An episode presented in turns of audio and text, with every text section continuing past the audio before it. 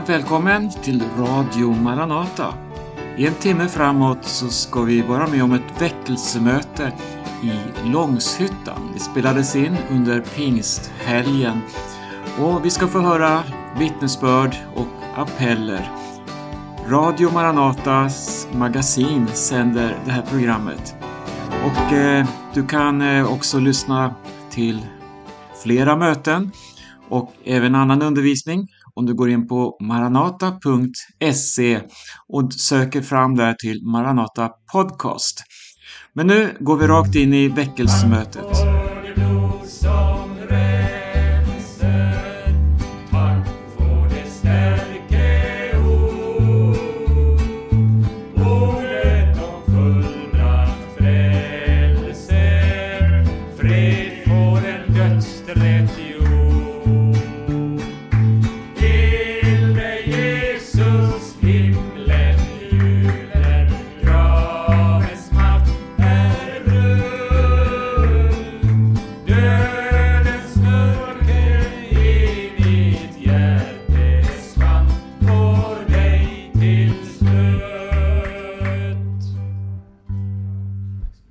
Tack Jesus. Vi sjöng här i sången så här. Fred för en dödstrött jord. Och det kan man ju verkligen se som är mångas önskedröm.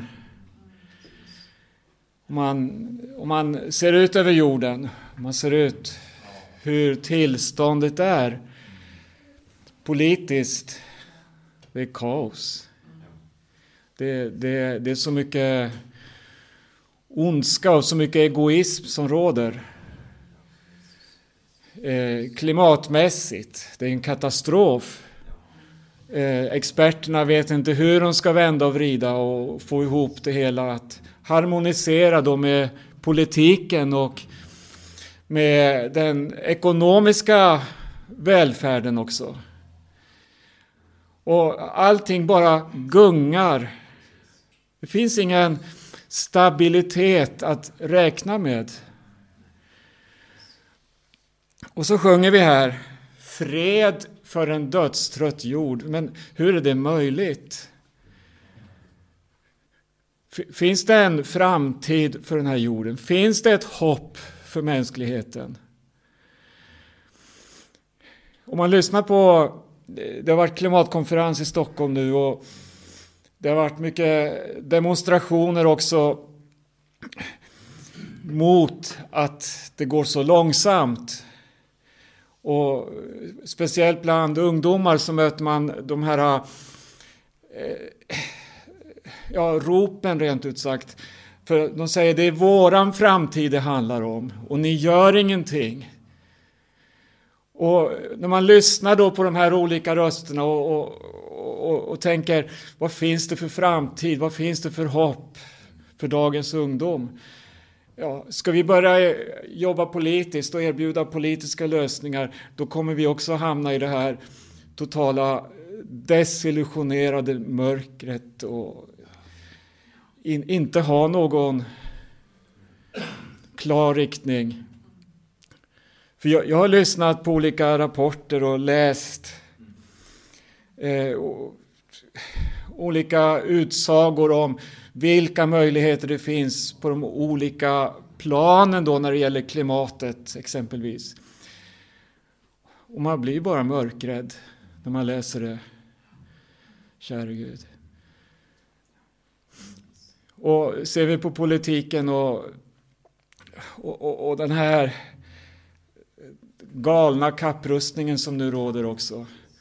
Där är, nu talas det bara om vapen, vapen, vapen. Hur, hur mycket vapen kan vi få fram till Ukraina och hur mycket vapen har Ryssland att räkna med och hur stora arsenaler finns det? Hur stora eh, arméer kan man sätta in? Och det rustas över hela världen. Och det är bara galenskap. Och så sjunger vi i ett litet möte här i Långshyttan. Fred för en dödströst jord. Och det är inte bara det att vi sjunger det som någon eh, önskedröm, utan vi tror på det vi sjunger. Och så är det det att vi har en fast förhoppning om att en dag så ska allt vapenskrammel bytas ut mot frid på den här jorden. Halleluja. Och om det här är sant, syskon, då är det en enorm utmaning för oss. Då har vi ett ansvar. Då har vi ett uppdrag i vår samtid. Inte att lösa de politiska frågorna, inte att gå till valurnorna, utan vi har något som är så mycket viktigare. Vi har ett namn som vi vet är lösningen för varje människa på den här jorden. Ett av hans namn det är fridsfursten. Tänk dig den dag när fridsfursten kommer tillbaka. När Jesus kommer och säger nu får det vara nog. När han intar tronen. Kära Herre Jesus. Vi har ett försoningens ämbete, syskon. Vi har ett erbjudande till människor. Och låt oss ropa till Gud att vi får bli förkrossade inför detta uppdrag. Så att vi inte förfuskar det. Utan att vi frimodigt kan träda fram. Även i den här kristendomsfientliga tiden. med frimodighet visa att här har vi vägen. Tro på Jesus. Eller som broder Werner vittnade om här igår. Han ställde en enkel fråga till en människa. Och det är just den frågan som är så viktig. Tror du på Jesus? Halleluja. Det finns frid och det finns fred för en dödstrött jord. Men det, vi går inte att bygga på den här korrupta grunden som vi möter ute i världen. Utan det handlar om att vi ska arbeta för Guds rike, syskon. Halleluja. Och med den vetskapen att Jesus kommer. Halleluja. Käre Jesus. Vi har varit samlade här i helgen, två dagar. Vi har haft många bönesamlingar och en önskan också att genom det här vara med och förbereda sommarkonferensen som är då 13 till 17 juli. Och eh, om man, om man nu ska räkna i kvantitet och i volym så här så, så har vi inte så mycket att ställa upp med. Vi har inte så mycket resurser, så mycket eh, personell kapacitet och så vidare. Men vi har fått lära oss någonting. Det är det här att, att krypa ner vid korsets fot och där utbedja oss styrka, vägledning och ord ifrån Herren just för den tid som vi lever i. Och där tror jag att eh, sommarkonferensen kommer att ha en oerhörd betydelse för den som vill lyssna, för den som är angelägen om att komma tillsammans, för den som vill vara med och föra fram detta Maranata-budskap i vår sena tid. Så var frimodig och var med och bjud in till konferensen och försök att vara med och få med så många som möjligt till de här dagarna då vi ska samlas i Folkets hus här i Långshyttan. Halleluja. Tiden är väldigt allvarlig. Och vi behöver verkligen ha sådana här uppsamlingar och proklamera att Jesus har vunnit seger och det är han som är vägen, han är sanningen, han är livet och det finns ingen annan väg förutom honom. Halleluja. Kära Herre Jesus. Jag ska läsa ett bibelord. Sen ska vi få lyssna till flera syskon här ikväll också. Och, och det här är en händelse i det gamla Israel.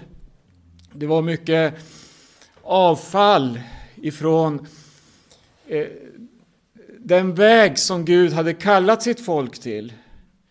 Det var, det hade, först hade vi kung Saul, kung David och Salomo och vi hade ett enat rike. Men sen eh, så splittrades riket.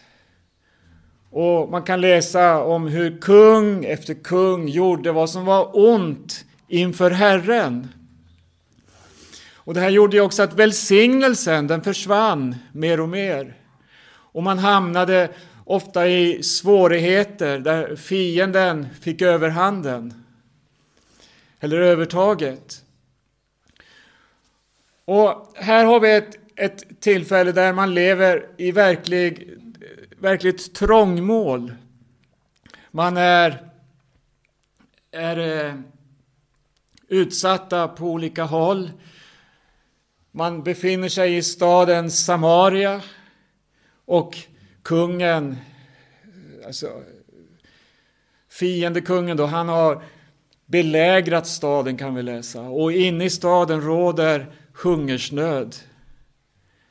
Hungersnöd och det, är, det, det är så illa ställt att man har och det finns absolut ingenting att äta. Det, det, står om två kvinnor som till och med förhandlade om vilkens son man skulle äta först. Ni kan ju tänka er vilken, vilken fruktansvärd situation som rådde. Och så fanns det några utstötta män man kan läsa om som befann sig utanför staden, utanför de här skyddande murarna. De var spetälska, de var orena. Nu vet ni vad jag eh, talar om för berättelse. Och, men den här är så oerhört talande. För det handlar inte om vilken kapacitet vi kan ställa upp med. Utan det handlar om vad Gud gör. Visst är det så? En man med Gud. En överlåtelse till Gud. Det betyder så oerhört mycket. Det står så här i andra eh, Konungaboken 7 och vers 3. Utanför stadsporten uppehöll sig fyra spetälska män. De sade till varandra, varför stanna här tills vi dör? Det var deras val de hade att välja mellan. De skulle stanna där tills de dör. Går vi in i staden, ja då dödar de oss. Går vi ut mot fienden, ja då dödar de oss. Stannar vi här kommer vi också att dö. Men så tog man det här beslutet ändå att vad som än händer, vi går. Vi tar ett steg. Och så tar vi ett steg till. Med bävande hjärtan, förmodligen, så, så gick de steg för steg in mot fiendelägret. De, de hade ingenting, inga vapen, ingen styrka. De var sjuka. Men de hasade sig fram. Och under tiden, när de tog det här steget i tro, måste man säga, så verkade Gud. Förstår ni? Gud lät det höras så som om en stor armé var i rörelse. på väg in i fiendelägret och där så blev man totalt skräckslagen. Och fienden flydde. De lämnade vapen, de lämnade mat, de lämnade kläder, tält, alltihopa. Utefter vägen kunde, kunde de finna hur mycket som helst. Och, och, och något av det här syskon kan lära oss att förstå vilken stor Gud vi har. Vi är små bräckliga kärl. Men kom ihåg, om du låter Gud få ta hand om ditt liv så behöver du inte se på dig själv och se på dina brister. Utan du kan skåda framåt. Du kan se Gud bana väg. Gud leder, Gud ger styrka. Och vi är på väg mot ett mål. Halleluja. Och har han banat vägen, ja, då får vi fortsätta. Pris för Gud. Amen, jag stannar där. Och så ska vi få lyssna till, som jag sa, flera syskon här ikväll. Ska du sjunga med oss, Stig-Erik? Ja, välkommen. Nåd och frid igen allesammans som har mött upp här ikväll. Och man upplever att det har varit gott att få vara samlad de här två dagarna, och de här bönepasserna och man har känt den här gemenskapen när vi tillsammans har trätt inför nådens tron att få nåd och hjälp i rätt tid och inför de som stundar i sommar med konferenser och möten och att, som det har sagts här, att vi får ut evangelium, det glada budskapet. Och, och som vår broder har nämnt här så vet vi vad som sker i vår värld och, och vi som kan vår bibel vet ju att, att det här kommer ju att ske och vi ser ju hela tiden hur pusselbit efter pusselbit efter pusselbit har lagts på plats och läggs på plats när man läser det här profetiska. Det här eh, skeendet. Och jag tänkte jag skulle sjunga det här, en, en sång som heter Snart kommer Jesus på brustna skyar. Vi tar David. Och så sjunger vi så här då. Snart kommer Jesus på brustna skyar, då skall vi se honom som han är. Då allt det gamla han själv förnyar, i kön förvandling det hemåt bär. Hur skall det bli runt på jordens länder, då brudeskaran försvunnit har? Från himlens land ingen återvänder händer, den som nått dit skall där stanna kvar. Den dagen blir ej som andra dagar, en stor förvirring man då får se. Så mången moder då klagar, gråter, mitt barn igår kväll jag hörde be. Så många gånger de gamla orden om Gud som haver små barnen kär.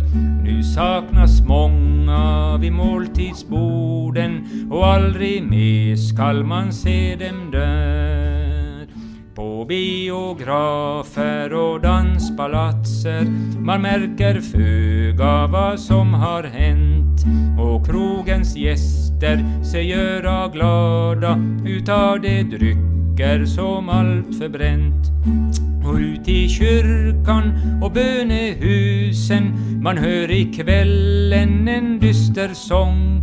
Hur är det möjligt, har Jesus kommit? Vi menar det vara med en gång.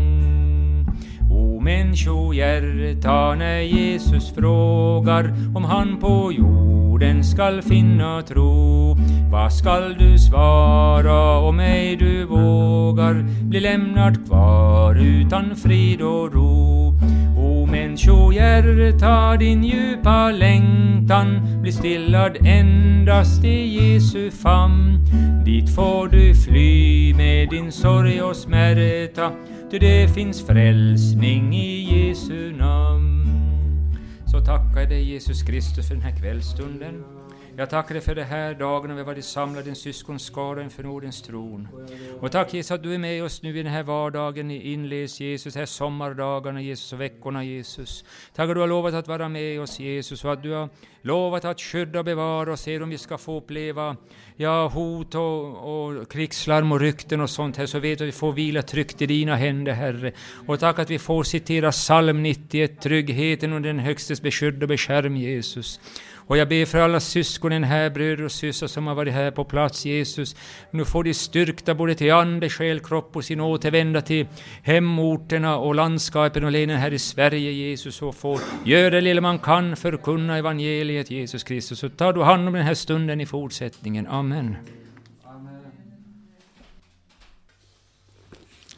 Ja, vi har, vi har, det har ju varit en en serie möten på radion eller på nätet nu om Lukas evangeliet.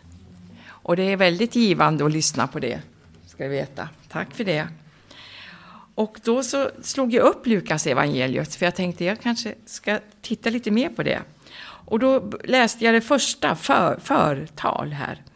Många har redan sökt ge en samlad skildring av de stora händelser som ägde rum ibland oss så som det har berättats för oss av dem som från första stunden var ögonvittne och blev ordets tjänare och efter att grundligt ha satt mig in i allt ända från början har jag nu också beslutat att i rätt ordning skriva ner det för det högst ärade Teofilos för att du ska förstå att de upplysningar du fått är, är tillförlitliga. Och då var jag så lite glad. Jag tänkte så här, jag har läst det här många gånger men jag har aldrig tänkt på det. Att eh, det var, han gjorde ett sånt besvär att han skulle bi, bi, göra det i, i, i, ordning så vi kunde läsa det. Och då tänkte jag, ja men så ska man nog läsa Lukas evangeliet, att man tänker på det. Och så började jag läsa då. Och då, för, då så kom jag först till till Sakarias då, prästen, som blev en gång, en, Zacharias då, en gång var turen kom, kommit till, till hans avdelning och han fullgjorde sin prästtjänst inför Gud. Var det han som efter den sedvanliga lottningen blev präst bland prästerna skulle gå in i Herrens tempel och tända rökelseoffret. Allt folk stod utanför och bad medan offret pågick. Då visade sig en Herrens ängel för honom till höger om rökelsealtaret. Sakarias blev förskräckt vid denna syn och fruktan föll över honom. Men ängeln sade till honom, var inte rädd Sakarias, din bön har blivit hörd. Din hustru Elisabet ska föda en son och, det, och du ska ge honom namnet Johannes. Och han skall bli din glädje och fröjd och många kommer att glädjas över hans födelse. Till han ska bli stor inför Herren. Vin och starka drycker skall han aldrig dricka och han skall uppfyllas av helig ande redan i moderlivet. Och han skall få många i Israel att vända tillbaka till Herren, deras Gud. Och han ska gå före honom med Elias ande och kraft och för att vända fädernas hjärtan till deras barn och ge de ohörsamma en rättfärdigt sinne så att Herren får ett folk som är berett. Jag kom inte längre än dit, utan då kände jag så här, men det här är ju fantastiskt, jag har aldrig tänkt på det. Tänk, vad var det Johannes skulle göra? Han skulle gå före Jesus och ge vägen, men han skulle göra någonting mer också. Han skulle inte bara bredda vägen för Jesus. Han skulle, så att Herren får ett folk som är berett. Och då, det slog ner i mitt hjärta, berett. Det är det vi ska vara, beredda, vad som kommer att hända nu och att vi har ett Maranatarop i våra hjärtan. Där vi bara kan säga Jesus kommer och det är den enda väg som kan hjälpa dig nu i den här tiden. Tack för att Jesus, tack för att vi låter oss uppfyllas av den heliga Ande så att vi kan ropa ut detta budskap. Vi är ett berett folk som väntar på Herren. Tack Jesus, jag prisar dig Jesus, halleluja. Tackar för att vi var beredda på din frälsning och på att du kommer snart Herre. Tack för att du hjälper oss Herre varje dag och varje stund Herre. Jag prisar och lovar dig. Amen. Och jag märkte det när jag satt där på, på stolen att tårarna började rulla. Åh, käre Gud, Jesus hjälp. Eh, då tänker jag tänker så här. Har vi blivit ljumma? Har vi blivit så ljumma så att eh, vi blir utspydda ur hans mun? Varm eller kall? Och det är frågan om om vi är varma eller kall. Det står däremellan. Och ska vi vara med i uppryckelsen så tror jag det att vi måste vara överhettade för att kunna få följa med i, på skaran i uppryckt, uppryckt Herren till möts på skyarna. Jag gick en vända ut här i, i förmiddags in mot samhället. Och jag passade på att vittna för några stycken. Men det gick inte. Alltså, det var de trodde att de vill, vill inte ta emot. De vill inte lyssna. Eh, det var ett väldigt mos där. Det var säkert en fyra stycken i alla fall som jag talade med. Så att eh, det är inte lätt alla gånger, men ibland så går det väldigt bra. Och ibland så är det väldigt motstånd. Käre Gud, ja Jesus. Det var, var två, ord, två ord jag ska läsa. Mina bröder och det är Korinthierbrevet. Mina bröder, vad jag nu vill säga är detta, att kött och blod icke kunna få Guds rike till arvedel, ej heller förgängligheten, oförgänglighet till arvedel.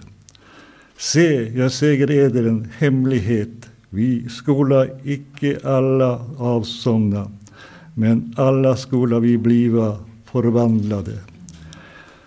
Och det i ett nu, i ett ögonblick, vid den sista basunens ljud.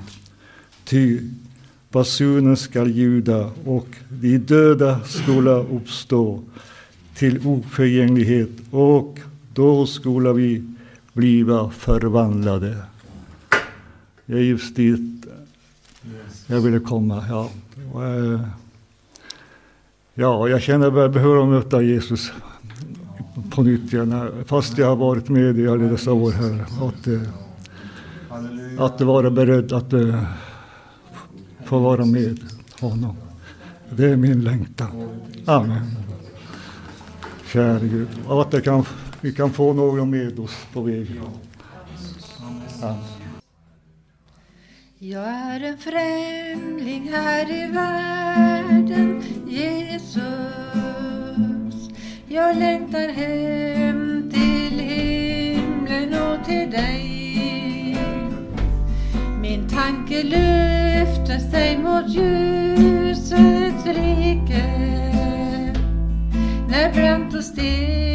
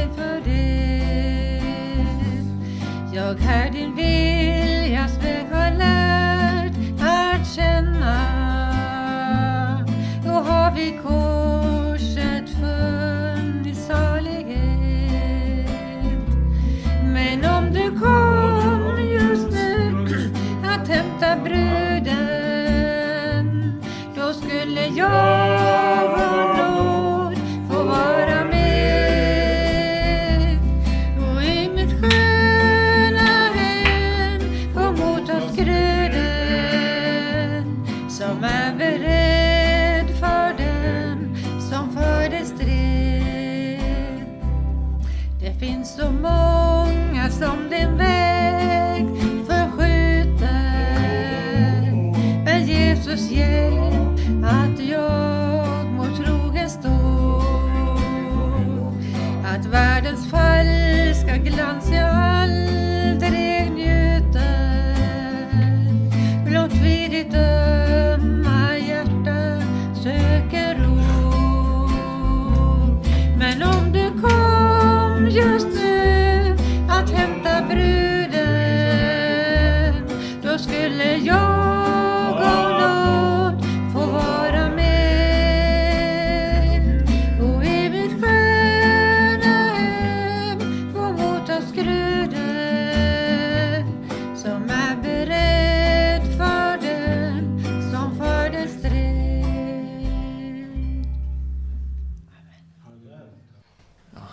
inget speciellt att säga så, men jag vill, jag vill läsa några verser från, från psalm 143. Vi tar från mitt i psalmen, vers 8. Låt mig möta din nåd på morgonen, för jag litar på dig. Visa mig den väg jag ska gå. Rädda mig från mina fiender, Herre. Hos dig söker jag skydd. Lär mig att göra din vilja, för du är min Gud. Låt din goda ande leda mig på jämn mark. Herre, Herre, ge mig liv för ditt namns skull. Rädda min själ i nöden, i, i din rättfärdighet. Förinta mina fiender i din nåd. Förgör alla som plågar min själ. För jag är din tjänare. Ja, det är underbart att vara frälst. Det är en väldig tröst i den här tiden. Därför att människor lever i fruktan och, och ångest. Men den som är frälst, han, eh, han kan förtrösta på Herren och känna trygghet.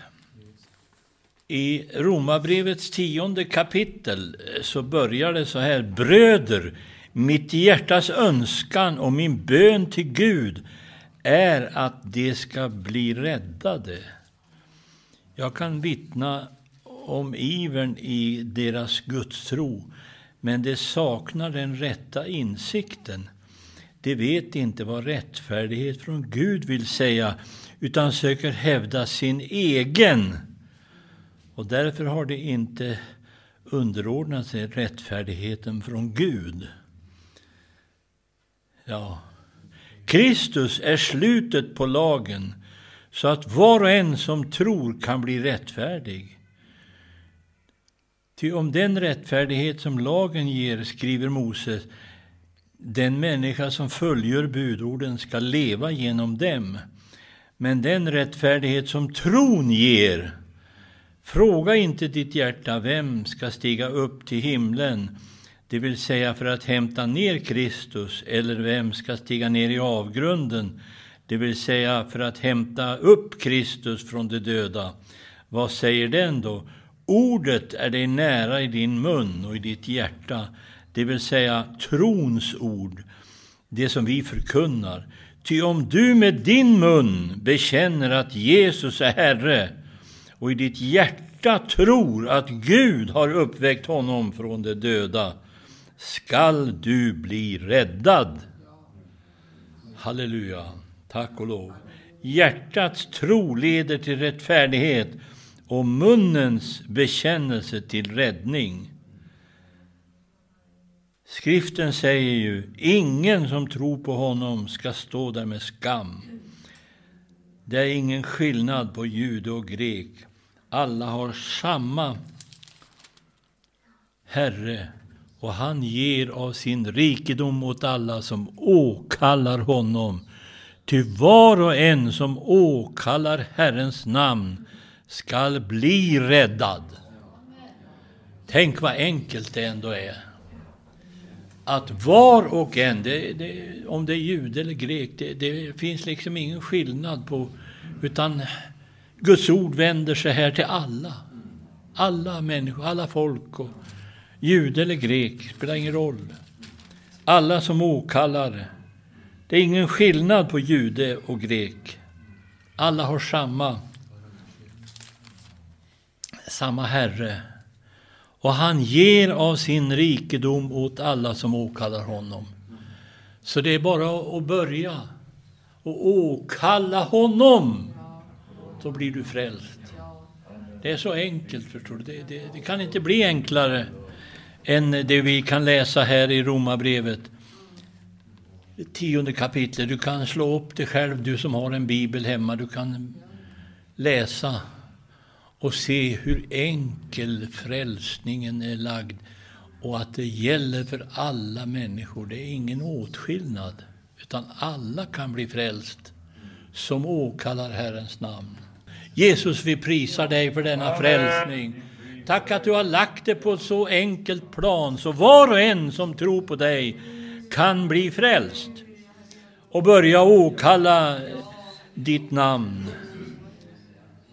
Halleluja, tack att alla som gör det blir frälst.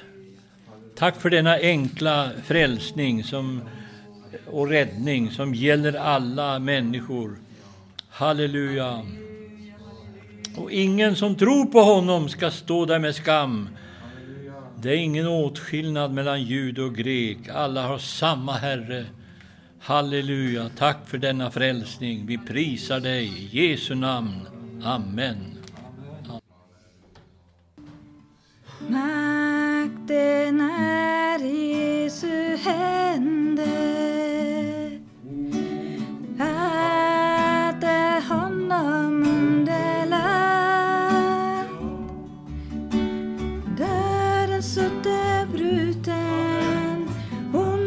Ondskans makt är krossad Han har vunnit seger, han har makt. Jesus har makt. Han har all makt. Han vunnit seger där på Golgata.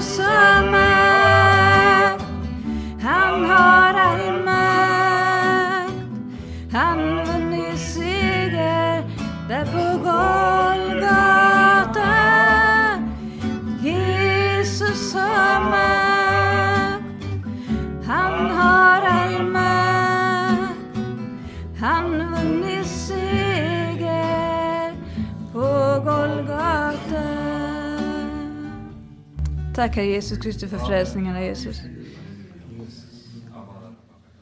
Tack Herre Jesus Kristus för att du bor i våra hjärtan Herre Jesus. Tack för att du svarar på böner Jesus. Amen. Ja, Guds frid. Jag, Lennart heter jag. Jag har levt ett liv lite hit och dit och har väl inte haft Gud med mig alla gånger. På det viset. Men han har hållit sin hand över mig i alla fall. Det är jag övertygad om. För att det livet jag har levt och fått ja, blivit försonad med honom. Det, är- det, är liksom det, för mig är det så stort så att jag har svårt att fatta det här överhuvudtaget. Liksom. Det, det är någonting... Och jag märkte ju... Ju närmare Gud jag kommer, desto mer motstånd möter jag faktiskt. Det är liksom... Jag vet inte om det är en oskriven lag det här eller vad det är. Alltså. Men jag har märkt det. Jag har varit, fått beslag med sjukdomar allt möjligt har det varit liksom. Och, men som så har man ju varit i kammaren alltså. Det är där. Och så får man gå ner på knä. Jag tycker det är väldigt viktigt. Och få böja sig helt och hållet. För Jesus. För att det är han som är alltså. Det är han som är. Jag är ingenting. Jag är bara ett skal i princip. Alltså, vad, vad är en människa? ja, och, eh, så det har blivit mycket bibelläsning. Och sen lyssnar jag också lite grann på Sven Reichman, han har ju mycket bra undervisning också. Men vi har under bra, fin bra undervisning här med har vi. Verkligen, ja. Men jag, ska, jag fick till mig det här i morse, jag läste, jag var inne i Filipperbrevet och läser. Så jag läser ur eh, Reformationsbibeln, Nya Testamentet. Eh, kapitel 2, från vers 5 där fram till vers 16 tänkte jag. Står det så här. Var så till sinnes så som Kristus Jesus var, vilket han då vilket då han i Guds gestalt inte ansåg det som en rövad skatt att vara jämlik Gud, utan, utan utgav sig själv och tog på sig en tjänares gestalt och blev lik oss människor. Ja. Och sedan har han trätt fram som en människa, ödmjukade han sig själv och blev lydig inte döden, ja, inte döden på korset. Därför har också Gud upphöjt honom och gett honom ett namn som är över alla namn.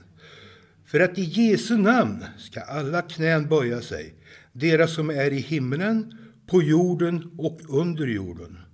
Och för alla, och för alla tungor ska bekänna att Jesus Kristus är Herren, Gud, Fadern till ära. Därför, mina älskade, så som ni alltid har varit lydiga, så ska ni med fruktan och bävan arbeta på er frälsning. Inte bara i min närvaro, utan ännu mycket mer nu när i min frånvaro. För Gud är den som verkar i er, både vilja och gärning efter sin goda vilja. Gör allting utan att klaga och tveka, så att ni må vara oklandriga och rena, Guds fläckfria barn, mitt ibland ett falskt och fördärvat släkte, bland vilka ni hyser såsom ljus i världen, som, som ni lyser såsom ljus i världen. Håll, fa, håll fast vid livets ord, så att jag kan glädja mig på Kristi dag över att, ni inte har löpt, att, jag inte har, att jag inte har löpt förgäves eller arbetat förgäves. Ja, det vill jag dela. Det är fina ord i Bibeln. Jag är tacksam för den här reformationsbibeln också. Amen. Ja, jag tänker mycket. och man har haft ett långt liv. Och jag vill säga, jag är så tacksam eh, att jag redan som jag var 11-åring när jag fick uppleva väckelsen verkligen. Inte bara en, en eh, trist och torr kristendom, utan jag, jag fick ett Ja, jag kom, ju på, jag kom ju på ett tältmöte och Maranata var alldeles nytt och det var jag tror att ungdomar idag förstår inte hur det var, för att det var helt annorlunda än det var att sitta i en kyrka. Det var det faktiskt. Eh, också även, eh, eh, vad heter det, frikyrkor. För att eh, det var sång och det var, alltså det var en sån underbar eh, upplevelse. För jag, jag kände, för det var på ett tältmöte, och jag eh, kände redan när jag kom in i tältet att det här, här var det någonting. Och, och, och jag upplevde att det här, det blev liksom, det var den helige ande som var där. Och, och, och de som var där och de vittnade och de sjöng och de talade. Och det har följt mig hela livet sedan dess. Det, det har liksom gett mig min inriktning för mitt liv. Och sen kan jag ju säga, jag är över 70 år idag, så jag har varit med om eh, mycket händelser i mitt liv, kära Herre. Men Jesus har alltid varit trofast. Och ibland har det inte varit så enkelt. Och ibland kan det ha, jag kan tycka jag har tänkt fel. Men, men när jag ser tillbaka så ser jag att eh, eh Jesus, han har sin hand i allt. Även det som jag trott var dåligt, så, så har han lett mig till den här dagen och han kommer vara trofast i fortsättningen också, kära Herre. Jesus, jag lovar dig. Ja, jag tackar dig Jesus, jag prisar dig Herre. Tack för din underbara nåd Herre. Tack kära Herre att du bär oss igenom höj, över höjder och genom dalar, kära Herre. Tack kära Herre, när vi trodde att det här blivit helt fel, kära Herre, så är det ändå du som har lett oss igenom detta, Herre. Jag prisar dig, Herre. Och jag jag ber dig för människor idag, kära Herre, att de får höra evangelium, kära Herre, denna förvandlande kraft. Och jag lovar dig, jag prisar dig. Och tackar vi väntar dig på skyarna, Herre. Vi väntar på att du ska hämta oss hem, Herre. Jag lovar dig, Herre. Men vi har också en en tid på denna jord och vi ska tjäna dig, Herre, vara dina vittnen, Herre. Ja, Herre Jesus, jag lovar dig. Amen. Herre Jesus. Han är Herre, Jesus är Herre. Allsmäktig Fader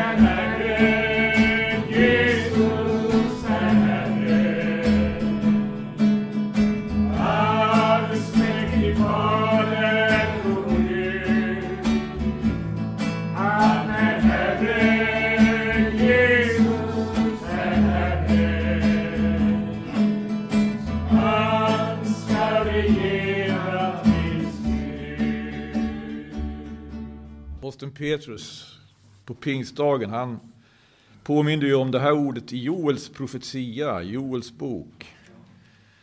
Och jag tittar på Joels bok och jag, jag blev nästan här vimmelkant. Jag fattar inte. Jag försökte se det här då. Eh, det är så väldigt mycket.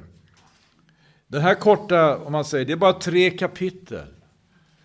Men jag fick liksom en aning om den här boken kan man egentligen aldrig sluta ägna sig åt. Eh, det, det står faktiskt i Joels bok saker som gör att man skulle kunna tänka att eh, när Gud sände anden så skulle det vara en väldig väckelse i Israel. Inte bara väckelse utan en, en tid av upprättelse. Därför det är den bild som tecknas om vi ser sammanhanget i Joels bok. Det står nämligen om templet och prästerna och altaret och det här att gudstjänsten upprättas, att prästerna och hela folket omvänder sig till Gud och ropar till Gud. Och det vet vi att när, när händelsen ägde rum, då Jesus kom, så var det faktiskt verkligen inte på det viset. Om några som komprometterade sig så var det prästerna. Så den här profetian, på ett märkligt sätt, som finns här i Joels bok, den tidsmässigt stämmer inte på något vis. Tidsmässigt. Men så är det också med det profetiska ordet. Det, det går inte att låsa in det liksom, i tiden, i, i något tidssammanhang. Det stämde exakt det här ordet när Simon Petrus trädde fram. Och jag ska bara läsa det och Det står så här om man går till Joel då. I eh, kapitel 2 vet vi, i vers 28. Det ska ske därefter. Det, är just det. Det ska ske därefter. Då, då är man ju intresserad av vad hade hänt då innan. Läs så får ni se vad som hade hänt. En sån upprättelse då prästerna och allt folket omvände sig till Gud. Nej, det hade inte hänt då. När Simon Petrus efter Jesu kors och uppståndelse trädde fram, då hade prästerna definitivt inte omvänt sig till Gud. Men många gjorde ju det. Det ska ske därefter att jag ska utgjuta min ande över allt kött. Och era söner och era döttrar ska profetera. Era gamla män ska ha drömmar, era ynglingar ska se syner. Också över dem som är tjänare och tjänarinnor ska jag i de dagarna utgjuta min ande. Och jag ska låta tecken synas på himmelen och på jorden. Blod och eld och rökstoder. Solen ska vändas i mörker och månen i blod. Förrän Herrens dag kommer, den stora och fruktansvärda. När Petrus predikar så säger han den stora och underbara. Men det ska ske, ja, att var och en som åkallar Herrens namn, han ska bli frälst. Ty på Sions berg och Jerusalem ska finnas en räddad skara, så som Herren har sagt. Och till de undsluppna ska höra det som Herren kallar. Det handlar om anden. Nu ska vi gå till Galaterbrevet. Det står om anden där också. Och att det går inte att låsa in det här med anden i något så att säga tidsmönster eller tra något traditionellt mönster som människor förälskar sig i. Utan Galaterbrevets tredje kapitel så, så, så, så börjar ju det på det här sättet. Och det är ganska märkligt ord det här. Eh, I Galaterbrevets tredje kapitel från början. Ni oförståndige galater, vem har så dårat er, ni som dock har fått Jesus Kristus målad för era ögon, såsom korsfäst? Faktiskt så står det så här, vem har så dårat er, eller förhäxat er, att ni inte mer lyder sanningen? Ni som dock har fått Jesus Kristus målad för era ögon såsom korsfäst. Bara det vill jag att ni ska svara mig på. Kom det sig av laggärningar att ni undfick anden, eller kom det sig därav att ni lyssnade i tro? Tänk vad man kan fastna i, tänk vad man kan haka upp sig på. Är ni så oförståndiga, ni som har begynt i anden, vill ni nu sluta i köttet? Har ni då upplevt så mycket förgäves, om det nu verkligen har varit förgäves? Alltså, att han som förlänade er anden och utförde kraftgärningar ibland er, gjorde detta, kom det sig av laggärningar, eller kom det sig därav att ni lyssnade i tro?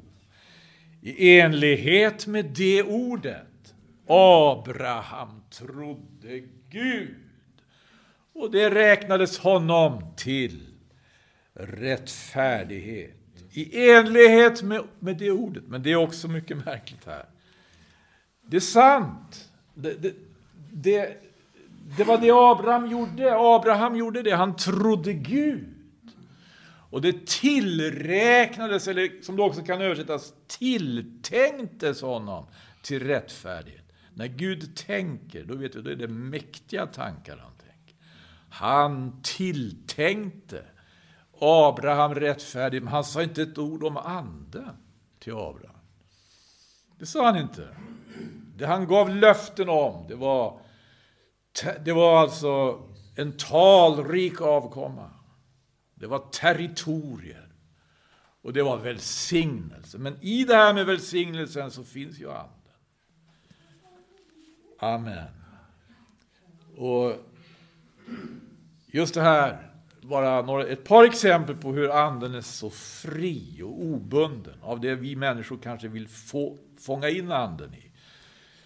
Eh, och hela Galaterbrevet för övrigt, som jag sa tidigare då, det är, det är väl, väldigt mycket ett, eh, ska vi säga, han visar på vad församlingen kan möta för olika former av motstånd. Förföljelse, verkligen förföljelse. Men också mer avancerade, mindre våldsamma men inte desto mindre avancerade former av motstånd. Det talas faktiskt om spionage som kan riktas mot församlingen.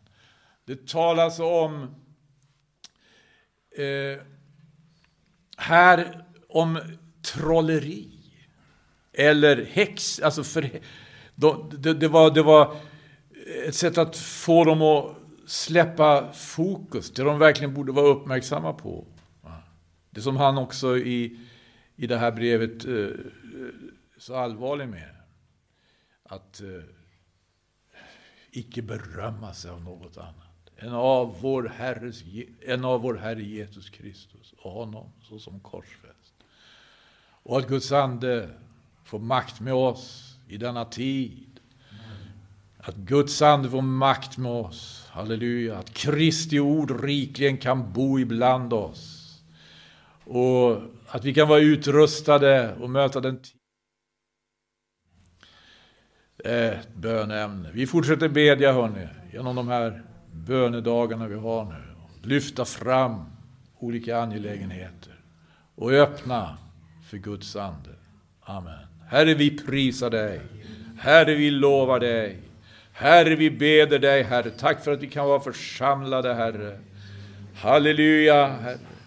Och du ser inte till hur många det är, Gud. Du ser till hjärtat. Finns det bara ett eller två eller tre hjärtan som är disponibla för dig? Åh, halleluja, då är du där, pris Gud.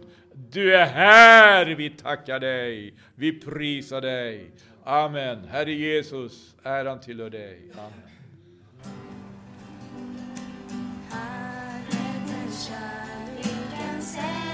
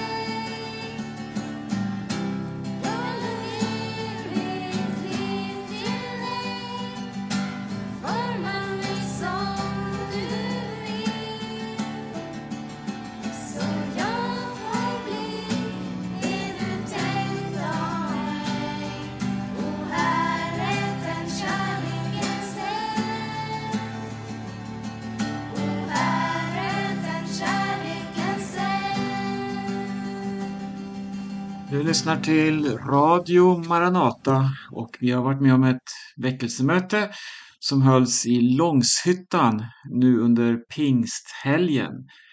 Och eh, vittnesbörd som vi lyssnade till, det var Stig-Erik Westman, Ingegerd Fredriksson, Werner Eriksen, Marita Lejonhuvud, Nikolas Vidén, Bertil Fredriksson, Diana Kolisauskiene, Lennart Smytzer, Anita Eriksen och sist en appell med Hans Lindelöf.